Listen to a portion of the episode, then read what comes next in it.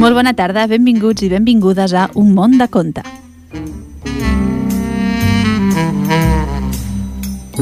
Com cada dimecres, en Jordi Puy al control tècnic i la Marviera a la veu.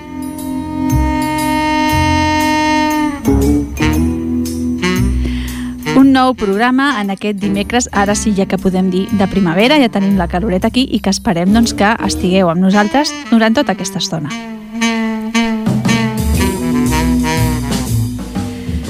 Avui portem uns continguts mm, que feia molt de temps que bueno, buscava la manera de fer-ho. I és que volia portar en algun dels nostres programes eh, contes de diferents indrets del món. I finalment he trobat un volum Uh, un, con, un llibre que es diu Tot un món de contes, que és una recopilació de relats tradicionals de tots els racons del món. I això és el que farem avui, explica contes d'arreu del món.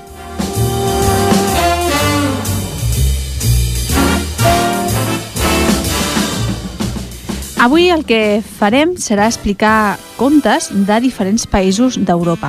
Aquest volum és una recopilació del José Manuel Hernández Ripoll i de l'Aro Sainz de la Maza i els contes que hem triat per avui són El castell misteriós, Els plats de fusta, El dit al dic i La sopa de pedra.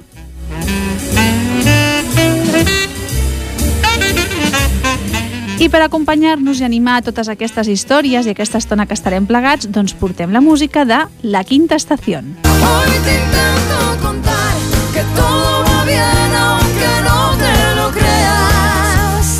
La Quinta Estació, amb la veu de la Natàlia Jiménez i la guitarra de l'Àngel Reyero, doncs bé, estaran amb nosaltres amb els seus temes. És un grup dels que darrerament doncs, s'han doncs, posat més de moda i és un grup de, en espanyol, que canta en espanyol de música pop. Uh, tot i que al començament eren tres membres uh, al grup, uh, hi havia també el Pablo Domínguez, des del 2009 doncs, només queden la Natàlia i l'Àngel, i avui doncs, això, estarem amb ells. un hotel de carretera i unes gotes de lluvia. Doncs bé, com us deia, uh, portem contes de diferents països d'Europa. I el que farem en aquest programa i en els propers que venen just abans de les vacances és explicar aquests, aquests contes.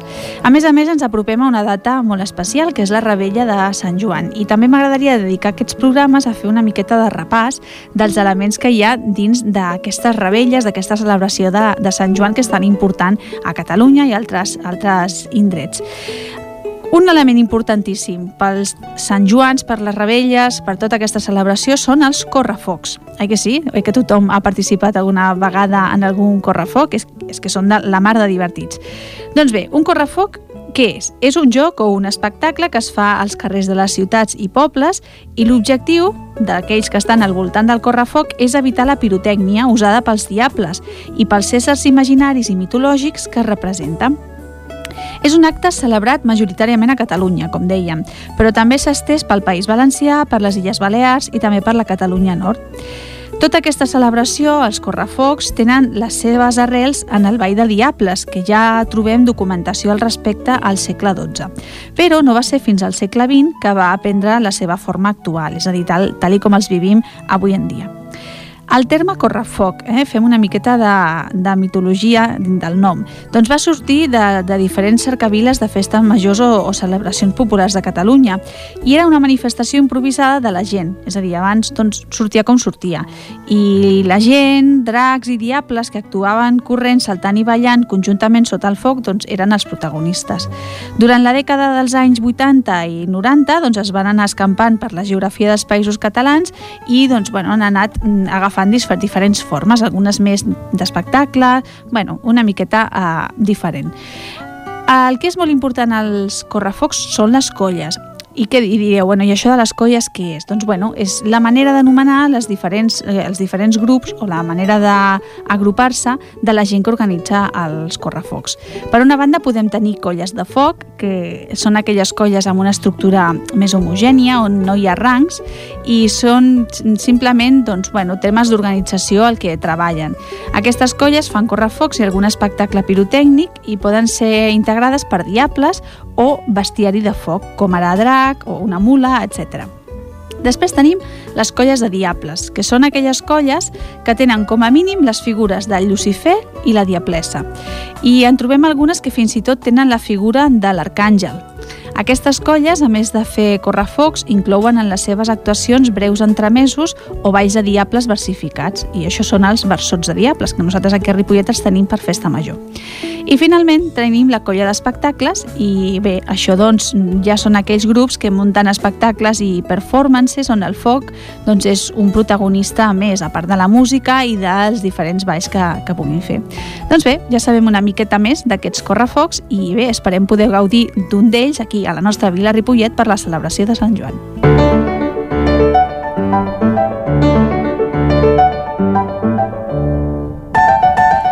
Doncs bé, començarem amb la primera història. El primer conte es titula El castell misteriós i aquest és un conte que és originari d'Àustria. Estaria bé doncs, que aquells contes que jo us dic que llegirem avui, que us explico quin és el seu origen, doncs els identifiquéssiu dins d'un mapa. Us he dit que aquests eh, d'avui són contes que són eh, europeus, de països europeus. Per tant, aquest primer, el castell misteriós d'Àustria, i tracta sobre la constància i el, valor, i, el valor i que sempre mereixen alguna recompensa. I comença així. Hi havia una vegada un matrimoni molt pobre que tenia dos fills, en Johans i la Maria. Un dia, desesperats per la penúria, els pares van prendre una terrible decisió. Com amb prou feines els podien alimentar, s'endurien els nens al bosc i un cop allà els abandonarien a la seva sort. L'endemà, després de donar-los un crostó de pa cadascú, el pare els va conduir al bosc. Quan van arribar a la part més profunda i densa, les pobres criatures estaven tan esgotades que es van asseure a descansar. Aleshores, el pare va aprofitar per agafar la carbassa que portava i la va penjar a la branca d'un arbre. Escolteu, nens, els va dir. He d'anar a recollir una mica de llenya, però vosaltres no cal que us mogueu. Espereu-me aquí, que quan acabi vindré a buscar-vos. Però i si et perds? va preguntar la Maria atemorida. Què serà de nosaltres? Tranquil·la, he penjat aquesta carbassa perquè la bufera del vent la faci xocar contra el tronc de l'arbre i d'aquesta manera el soroll impedirà que em perdi, d'acord? Dit això, el pare se'n va anar i els nens, sense sospitar res, es van quedar clapats com socs. Ja era gairebé de nit quan es van despertar. El vent bufava entre les fulles i feia petar la carbassa contra l'arbre. Però el seu pare no hi era, i quan es va fer completament fosc, la Maria va preguntar «Què hem de fer, Johans? I si no sap trobar el camí? Jo, jo ja començo a tenir una mica de fred». «Tens raó», va dir en Johans. «Val més que tornem a casa sense esperar-lo. Au, va, germaneta, sortim del bosc». Els dos nens es van posar a caminar agafats de la mà, però com era negra nit es van perdre. De sobte van albirar una casa petita i van trucar a la porta. Una vella de rostre dolç els va obrir i ells, després d'explicar-li que s'havien extraviat, li van demanar si podien quedar-se a dormir. Oh, vaja, és aquesta la casa d'uns lladres que no trigaran a venir i pot ser perillós per vosaltres, va explicar. I compadint-se dels nens va afegir. Però si no us importa, podeu passar la nit a la caseta del gos. Això sí, si us plau, no heu de fer soroll. Si els bandits us descobreixen, ja heu begut oli. Són homes sense cor. En Johans i la Maria es van espantar, però com estaven tan esgotats, van acceptar l'oferta de l'àvia. Es van arrasserar a la caseta del gos per passar la nit, i en un tres i no res ja s'havien adormit. A trenc d'alba, la vella els va despertar i servint-los un bon esmorzar els va recomanar amb un fil de veu «Silenci, no feu xivarri. Ara mengeu-vos això i no us bellugueu d'aquí fins que els lladres se'n vagin. Quan abandonin la casa, us vindré a avisar. Els nens van devorar el desdejuni en un tancar i obrir d'ulls. Tan afamats estaven que no van deixar ni una engruna. En acabat, quiets com estàtues, van esperar la vella. Quan la dona va aparèixer, els va esperonar a sortir d'allà ben de pressa, no fos cas que els lladres retornessin, i els va indicar el camí que havien de seguir per, tro per trobar-se'ls. Alhora, a l'hora dels adeus, els va fer entrega d'un atuell amb què viures i els va desitjar molta sort. Moltes gràcies, senyora, va xiu-xiueixar en Johans. No l'oblidarem. Els nens van seguir fil parrant de les seves instruccions i es van allunyar de la casa. Després d'un bon tram de camí, arribaren a una bifurcació. Una sendera anava cap a l'esquerra i una altra cap a la dreta. «Quina agafem?», va preguntar la Maria. «Mira, farem una cosa», va proposar en Johans. Tu agafaràs l'esquerra i jo la dreta. Tard o d'hora les senderes es tornaran a juntar i nosaltres ens trobarem de nou, entesos? I així ho van fer. Es van fer un petó de comiat i cadascú se'n va anar per la seva banda. Més endavant, en Johans arribava al castell d'un comte i sense pensar-s'ho dues vegades va trucar a la porta tot demanant si podia passar-hi la nit. Sí que podria, sí, va afirmar el noble senyor. L'inconvenient és que no tinc lloc, però a una hora d'aquí hi ha un altre castell que està abandonat i no tindràs cap problema a trobar un raconet. Allà podràs dormir. I demà al matí, si tornes, et donaré la mà de la meva filla. En Johans va fer cas de la proposta del conte i va dirigir-se cap al castell abandonat. En arribar-hi va encendre un foc en unes de les habitacions per escalfar-se i es va quedar completament adormit. De cop i volta va obrir els ulls i es va trobar amb una dona asseguda als peus del llit. La seva silueta es retallava davant la lluna plena. L'enigmàtica senyora li va donar un capdell de llana i li va dir «Agafa'l, que et portarà sort». A mitjanit vindran a visitar-te tres homes sense cap i et manaran que els acompanyis a les masmorres. Si lligues un extrem del cap d'ell a la part més alta de l'escala i el vas deixant anar, a mesura que baixes, quan, quan acabis de fer tot allò que et demanin, sabràs trobar el camí de tornada i estaràs fora de perill. I després de pronunciar aquestes paraules, la dona es va esfumar en l'aire. Efectivament, en tocar la mitjanit, va veure tres homes sense cap plantats al vell mig de la cambra. Vine amb nosaltres, li van ordenar amb veu fantasmal. En Johans es va llevar, tremolava de caps a peu, però va agafar el capdell de llana que li havia donat l'enigmàtica dona i es va disposar a anar amb ells. I tan bon punt va sortir de l'habitació, va lligar dissimuladament l'extrem de llana a la part més alta de l'escala. Els tres homes el van marejar per tot el castell, donant voltes i més voltes, mentre en Johans deixava anar la llana al llarg de tot el recorregut, intentant que no el descobrissin. Però el cap d'ella anava fent-se cada cop més petit. Per fi, quan entraven a les, a les lúgubres masmorres, la mateixa es va acabar i en Johans va anuar-se a l'altre extrem, al turmell. Llavors els tres homes, sense cap, li van assenyalar una pala i li van indicar que cabés un forat en una cel·la determinada. El primer barril és per salvar les nostres ànimes, li van explicar els tres homes. El segon és per, per ser distribuït entre els pobres. I el tercer és per tu, en cas que aconsegueixis sortir del castell, és clar. I com per art d'encanteri, els homes sense cap van desaparèixer. En Johans va contemplar bocabadat aquells barrils. Un era seu, i més content que un gínjol se'l va carregar tots tres a l'esquena. Tot seguit vas deslligar-se el nus de llana del turmell i el va anar seguint a través del laberíntic camí de tornada. Al cap d'una bona estona de deambular amunt i avall i cansat pel pes dels tres barrils, finalment va trobar la sortida i va entrar a la seva habitació. Va descansar uns instants per agafar l'E i després, a correcuita, va abandonar el castell. Quan el noble senyor el va, el va veure aparèixer, el seu rostre va il·luminar-se de felicitat. Molts homes han passat la nit allí, va explicar-li, però cap d'ells no ha retornat mai. Si tu ho has aconseguit, significa que posseixes valor i fermesa. Seràs un marit digne per la meva preciosa filla i solda, tant tal i com et vaig prometre. Et dono la seva mà. Però abans de la boda, en Johans va voler complir les seves obligacions. Primer va lliurar el barril a, una, a les autoritats per a la salvació de les ànimes dels tres homes sense cap. Després va donar un segon barril a les cases de caritat perquè fos repartit entre els pobres, encarregant que una part li fos adreçada a aquella vella que vivia a casa dels lladres i que els havia tractat amb, tata, amb tanta estimació. I per últim, mentre es feia construir el seu propi castell per compartir-lo amb la bonica Isolda. I es va encoratjar a trobar la seva germana Maria, el comte va disposar que els seus homes la cerquessin per tota la regió i després de recórrer valls i muntanyes la van localitzar a casa d'una família molt pobra que l'havia acollit. Boig d'alegria, en Johans va viatjar durant tres dies i tres nits fins a arribar a aquella llar humil. Va recompensar aquella gent amb generositat i va convidar sa germana a residir amb ells i la seva dona per evitar que mai més passés fam. I vet aquí un gat, i vet aquí un gos, i vet aquí que aquest conte ja s'ha fos. Palmas, público.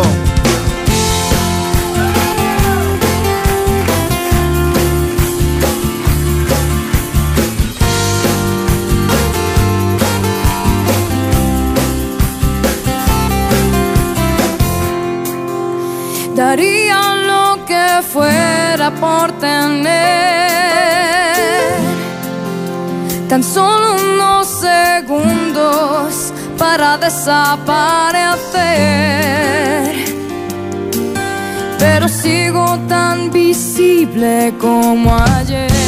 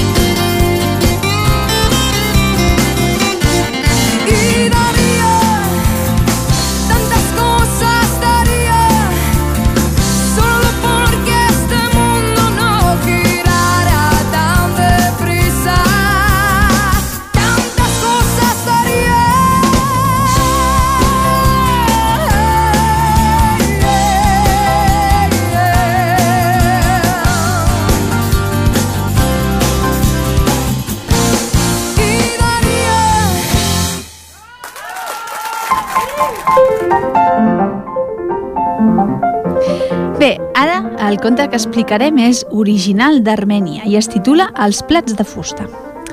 Hi havia una vegada una família formada pel marit, la muller i tres fills ben macos i molt bons minyons. Un dia, a tocar de l'hivern, a la llar es va presentar d'improvís el pare i la mare de l'espòs, suplicant aixopluc. Els pobres eren tan vellets i estaven tan delicats de salut que no es veien amb cor de sobreviure tots sols. L'home no va dubtar gens ni mica i els va acollir, obrint les portes de bat a bat. És natural, eren els seus pares i se'ls estimava. Però a la mestressa de la casa, l'arribada de la parentela no li va fer gens de gràcia.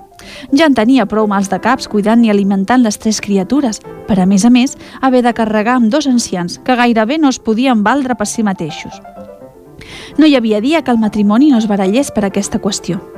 A les nits se'ls sentia discutir. La muller es queixava de la feina que donaven els vells, que no era igual cuinar per cinc persones que fer-ho per set, ni tampoc ho era a l'hora de rentar la roba, fer els llits i tantes altres coses més. El marit l'ajudava en tot allò que podia, però com a la feina feia més hores que un rellotge, marxava a trenc d'alba i no tornava fins que ja era fosc.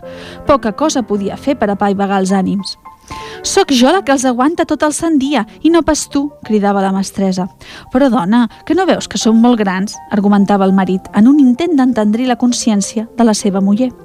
Passava el temps i la situació cada vegada es feia més insostenible. Quan no era perquè els avis deixaven les coses oblidades fora de lloc i després era ella qui havia d'endreçar-ho tot, la troca s'embolicava perquè els iaios destorbaven els nens i aquests no feien els deures que els posaven a l'escola. En aquella casa, les queixes i protestes de la mestressa es van convertir en el pa de cada dia. La gota que va fer vessar el got es va viure un dia de festa grossa. El matrimoni celebrava el seu aniversari de noces i la mestressa va parar taula amb la millor vaixella, aquella que només es treu de l'armari en dates molt assenyalades. Tot anava d'allò més bé, fins que el pobre iaio va demanar una mica més de sopa. Els seus dits tremolosos no van sostenir el plat amb prou força i, sense voler, se li va escórrer de les mans i va caure a terra fet miques. El disgust de la dona va ser tremend i no cal dir que aquell dia el dinar va acabar com el rosari de l'aurora. Quan els ànims es van calmar, el marit i la muller van prendre la determinació que a partir d'aquell moment als vells se'ls serviria el menjar en plats de fusta. Ho sento molt, però d'aquesta manera si els plats els hi tornen a caure no faran cap desperfecte, va dir la mestressa de casa. Però dona, es lamentava el marit, no creus que em fas un gramassa? He dit que menjaran els plats de fusta i s'ha acabat, va resoldre la mestressa. Dit i fet, l'endemà a l'hora d'esmorzar hi havia dos plats de fusta al lloc on habitualment seien els avis. Al cap de setmana següent, quan la canalla no tenia escola i l'home no havia d'anar a treballar, la família es preparava per dinar plegats vestits de diumenge. Però vet aquí que tots els membres van anar compareixent al menjador, a excepció del fill gran. On és aquest nen? va dir la mare. No ho sé, va respondre el pare, no l'he vist en tot el matí. Estranyats per l'absència, ja que el noi sempre era el primer a seure's a taula, el matrimoni el va començar a cercar per tot arreu. No era el seu dormitori, ni tampoc el lavabo rentant-se les mans. Va mirar una per una totes les habitacions de la casa, però el xicot brillava per la seva absència. On caram es deu haver ficat? demanava la mare a punt de perdre la paciència. Dimoni de criatura, que no pensa que ens en refredarà l'escudella? Potser és a l'Altell, va deduir el pare. És l'únic lloc que ens hem, que ens hem quedat per mirar. L'home va, va, va encertar-la. Assegut a terra, el xaval jugava a fer manualitats tan concentrat que no es va donar de la presència dels seus pares. Havia baixat la caixa d'eines de la prestatgeria i amb el punxó foradava una rodanxa de fusta que havia tallat de la branca d'un dels pins que envoltaven la finca. Es pot saber què fas? van preguntar curiosits, donant-li un bon ensurt. No res, va contestar el nen dissimulant. Coses meves? Doncs si no fas res, què és això? va reclamar el pare, rebassant-li de les mans el tros de fusta. D'acord, d'acord, va dir el noi. Volia que fos una sorpresa, però ja que m'heu enxampat us ho diré va explicar l'infant vermell com un tomàquet. Estic fent uns plats de fusta per quan vosaltres sigueu vells. La sortida va deixar els pares bocabadats. En aquell moment, amb dos van comprendre que l'exemple que donaven tractant de mala manera els pobres avis, tard o d'hora, també el patirien ells.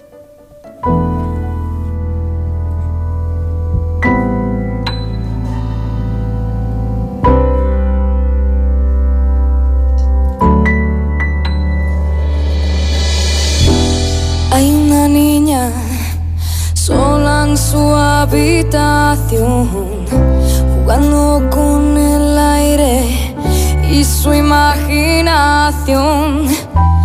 No comparte tesoros ni tampoco secretos. Su universo es grande, más que el mundo entero. Ella ríe sin saber por qué, ella habla sin saber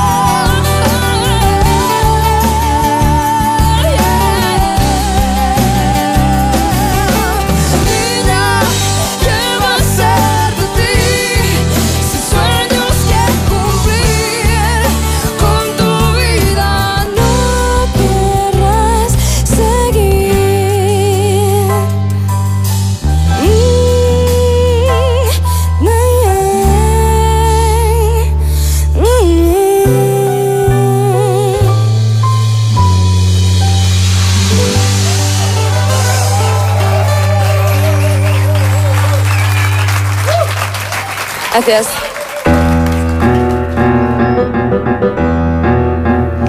El dit al dic, un conte original d'Holanda, diu així. Hi havia una vegada un petit poble de la costa holandesa on era costum que els pescadors es fessin a la mar cada dia, a la posta de sol. Una freda nit d'hivern, quan els cinc vaixells que formaven la flota ja feia estona que havien salpat del port, es va girar un vent del nord que bufava amb fúria i el cel es va encapotar, amenaçant tempesta. A poc a poc el temporal es va anar fent més i més terrible. La potència del vendaval arrissava les aigües i formava unes onades gegants que rompien amb força contra els murs del dic que els habitants de la vila havien construït per evitar que l'oceà inundés les seves terres. Amb aquest panorama tan esgarrifós, tots els habitants del poble, grans i petits, es van reunir al voltant del dic amoïnats per la sort dels pescadors. Tenien por que no els passés alguna desgràcia i escodrinyaven l'horitzó amb el desig de veure brillar, entre la foscor, les llums de les embarcacions de retorn cap a casa. Ja veuràs com de seguida són aquí, afirmaven els més optimistes. Ai, que s'han enfonsat, aventuraven els més pessimistes. L'angoixa augmentava feblint els ànims de la gent i la preocupació es va multiplicar quan uns núvols negres com el carbó van descarregar una calamarsada de les pitjors que es recorden. Els llamps van il·luminar el firmament durant uns segons, anunciant l'arribada d'uns trons ensordidors.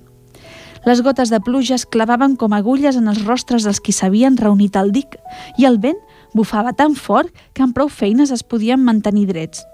Per vèncer el fred glaçat que els encar encarcarava, algú va tenir la bona pensada de preparar un brou calentet i repartir-lo entre els presents per recuperar forces i entrar en calentor.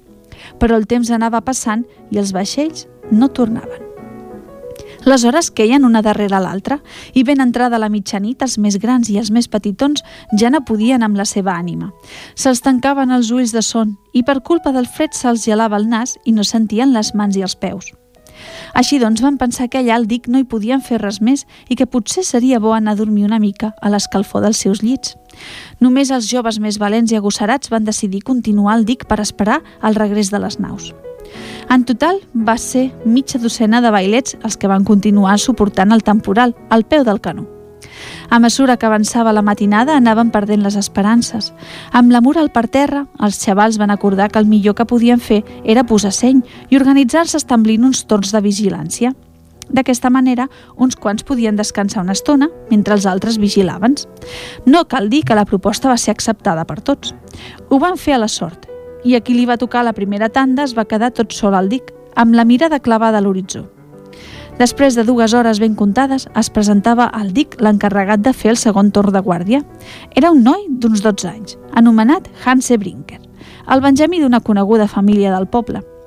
El pare i els quatre germans grans d'en Hanse eren a bord de la Bona Esperança, un dels cinc vaixells que aquella nit havia sortit a pescar. I és clar, amb tota la parentela perduda en alta mar, en Hanse estava molt intranquil. Al cap d'una estona d'estar a l'intempèrie, en Hanse tremolava de fred. Aleshores es va donar que, per efectes de la tempesta, un dels murs dels dic s'havia escardat i deixava entrar l'aigua per un forat. Mare meva, quin ensurt! va exclamar en Hanse sense saber ben bé com resoldre el problema. Si no faig alguna cosa aviat, l'aigua del mar anirà entrant i entrant i, i, i el poble s'inundarà. En Hanse es gratava la closca tot buscant una solució. No podia permetre que succeís un desastre d'aquelles magnituds. En un acte reflex, va posar dins el forat el dit gros de la mà dreta i d'aquesta manera va taponar l'entrada d'aigua. Amb el dit d'en Hanse ficat al forat, no es colava ni una gota. Per sort, d'aquí a poc més d'una hora vindran a substituir-me i aleshores podré avisar la gent del poble, va pensar en Hanse. Però el noi a qui li tocava fer el tercer torn de vigilància no es va presentar. No va ser fins gairebé a trenc d'alba quan l'avi més matiner del poble es va trobar en Hanse mig mort i pràcticament glaçat, però amb el dit ficat al forat del dic per aturar l'aigua del mar. Veïns, veïns, ajudeu-nos! En Hansen s'ha salvat la vida! Es va posar a cridar l'avi com un boig despertant a tothom. Les veus de l'avi van fer efecte i a la vila es va muntar un bon rebombori.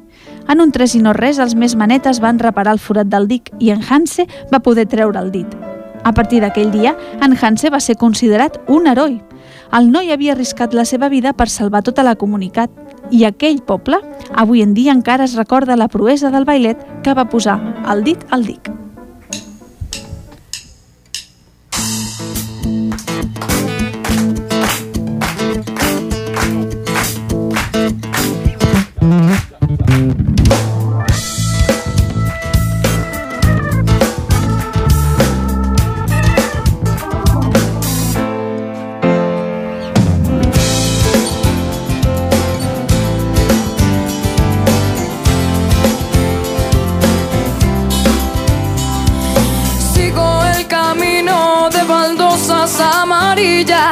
Mientras oigo tus mentiras por última vez.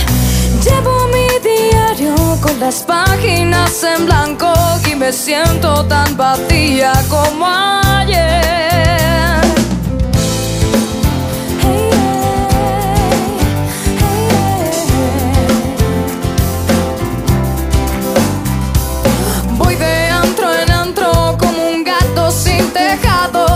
Al que nadie le enseñó a caer de pie. Creo que he jugado en el bando equivocado y me voy acostumbrando a perder. Hoy no me vale un quiero, no me vale un lo siento, no me valen tus excusas ni tus flores de alquiler.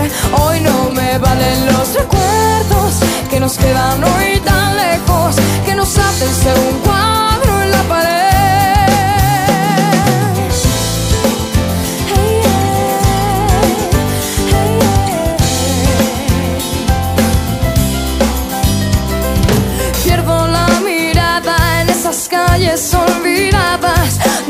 me jurabas lo que hoy no crees. Hoy no somos nada y en tu casa encantada se marcharon los fantasmas para no volver.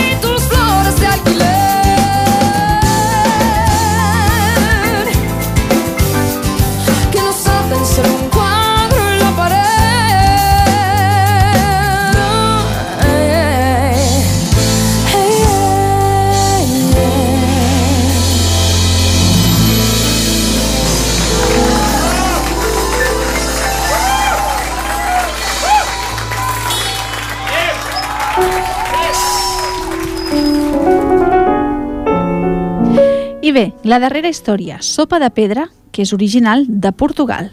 Diu així. Hi havia una vegada un frare que es passava la vida fent via pels camins de Portugal. Caminava i caminava i tot sovint s'aturava als pobles que trobava pel camí per demanar almoina i alguna cosa per menjar. Però vet aquí que en un cap vespre, quan va arribar a la masia d'una família de pagesos i aquests no van voler donar-li res per omplir la panxa, el frare que s'estava morint de gana els va proposar, com qui no vol la cosa, el següent – Bona gent, jo m'acontento amb ben poc. Si m'ho permeteu, em prepararé una sopa de pedra. Una sopa de pedra? Van estranyar-se els pagesos. Oh, ja ho crec que sí. La sopa de pedra és una sopa boníssima, va explicar el frare. Sense pensar-s'ho dues vegades, el frare es va posar a cercar una pedra pels voltants, advertint que, per cuinar aquesta sopa, no servia una pedra qualsevol. Aquesta anirà d'allò més bé, va exclamar satisfet agafat un pedrot de la mida d'un melicotó. El frare va, va exposar amb cura la terra que embrutava la pedra davant la mirada encuriosida dels habitants de la casa. Aquest home està tocat de l'ala, es deien els uns als altres en veu baixa. I tot veient l'afany que posava a netejar-la, no van poder resistir-s'ho més, i als pagesos se'ls va escapar el riure per sota el nas. «Què us fa tanta gràcia?», va preguntar el frare. «Calla, ja ho sé, vosaltres no heu menjat mai una sopa de pedra, oi que no?» «I ara? És clar que no, una sopa de pedra, on s'has vist això?» Van respondre els pagesos. Doncs espereu a tastar-la. Només us diré que és deliciosa, va afirmar el frare. I de sobte va demanar, si us plau, que em faríeu el favor de deixar-me una cassola? Els pagesos de seguida li van portar una cassola de fang i el frare la va omplir amb un rajolí d'aigua pel pou del pou. Un cop plena, van submergir la pedra dins l'aigua i en acabat va col·locar la cassola damunt les braces.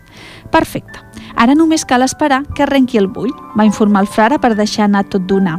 Ara que hi penso, si per casualitat tinguéssiu una mica de cancel·lada, la sopa guanyaria molt.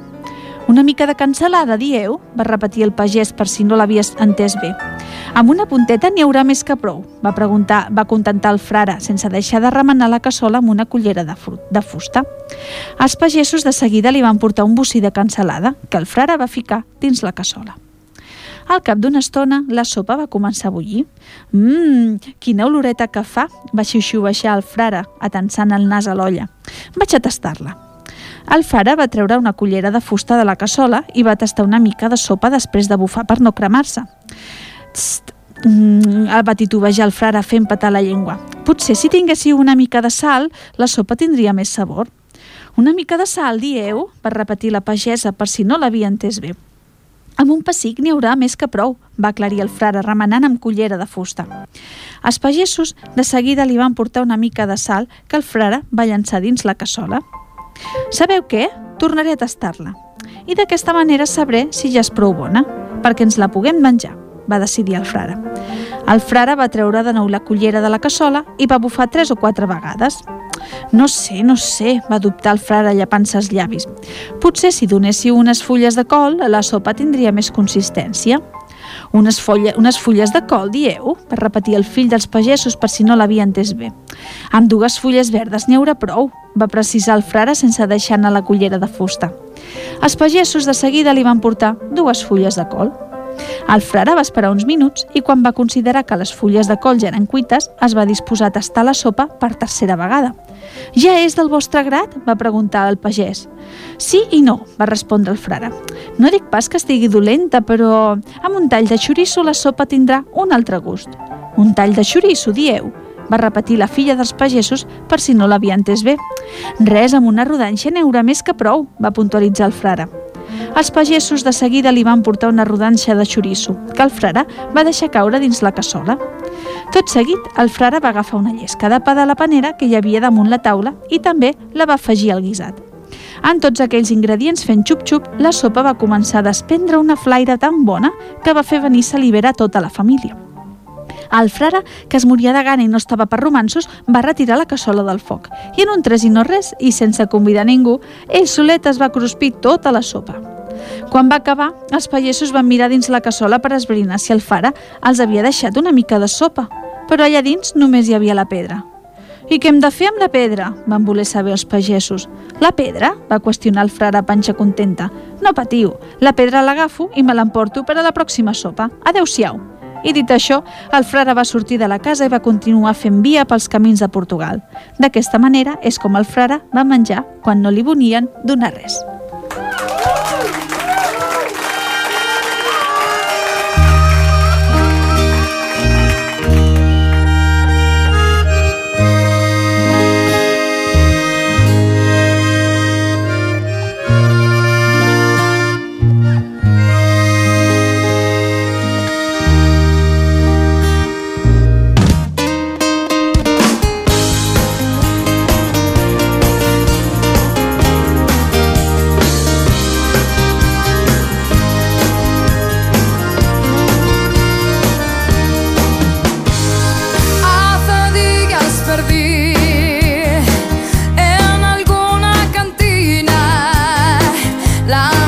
Gotas de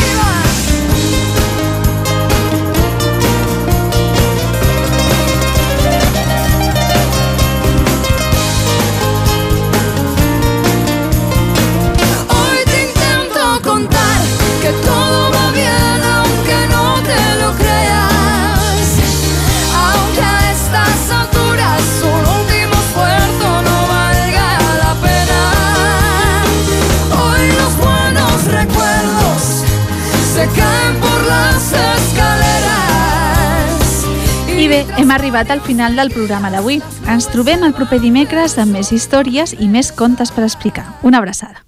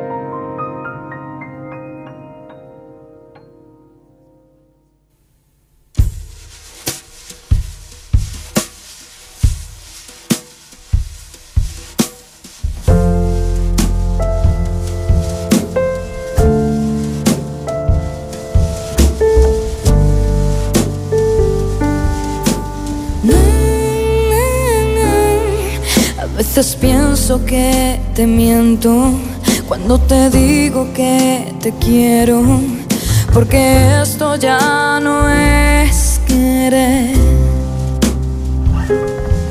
A veces creo que he muerto cuando no estás y yo despierto, porque sé que esto ya no es querer.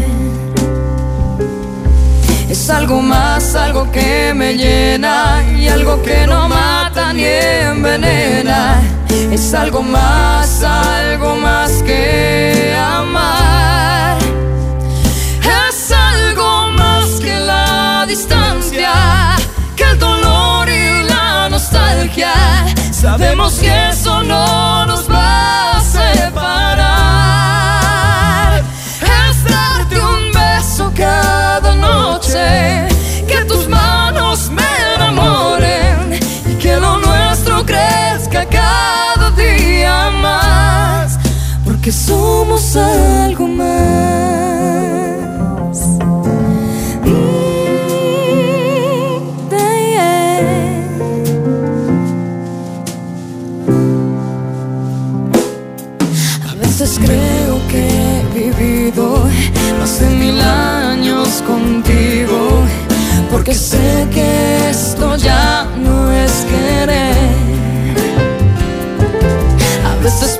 pienso que eres mentira por cómo entraste en mi vida, porque sé que esto ya no es querer. Es algo más, algo que me llena y algo que no mata ni envenena. Es algo más, algo más que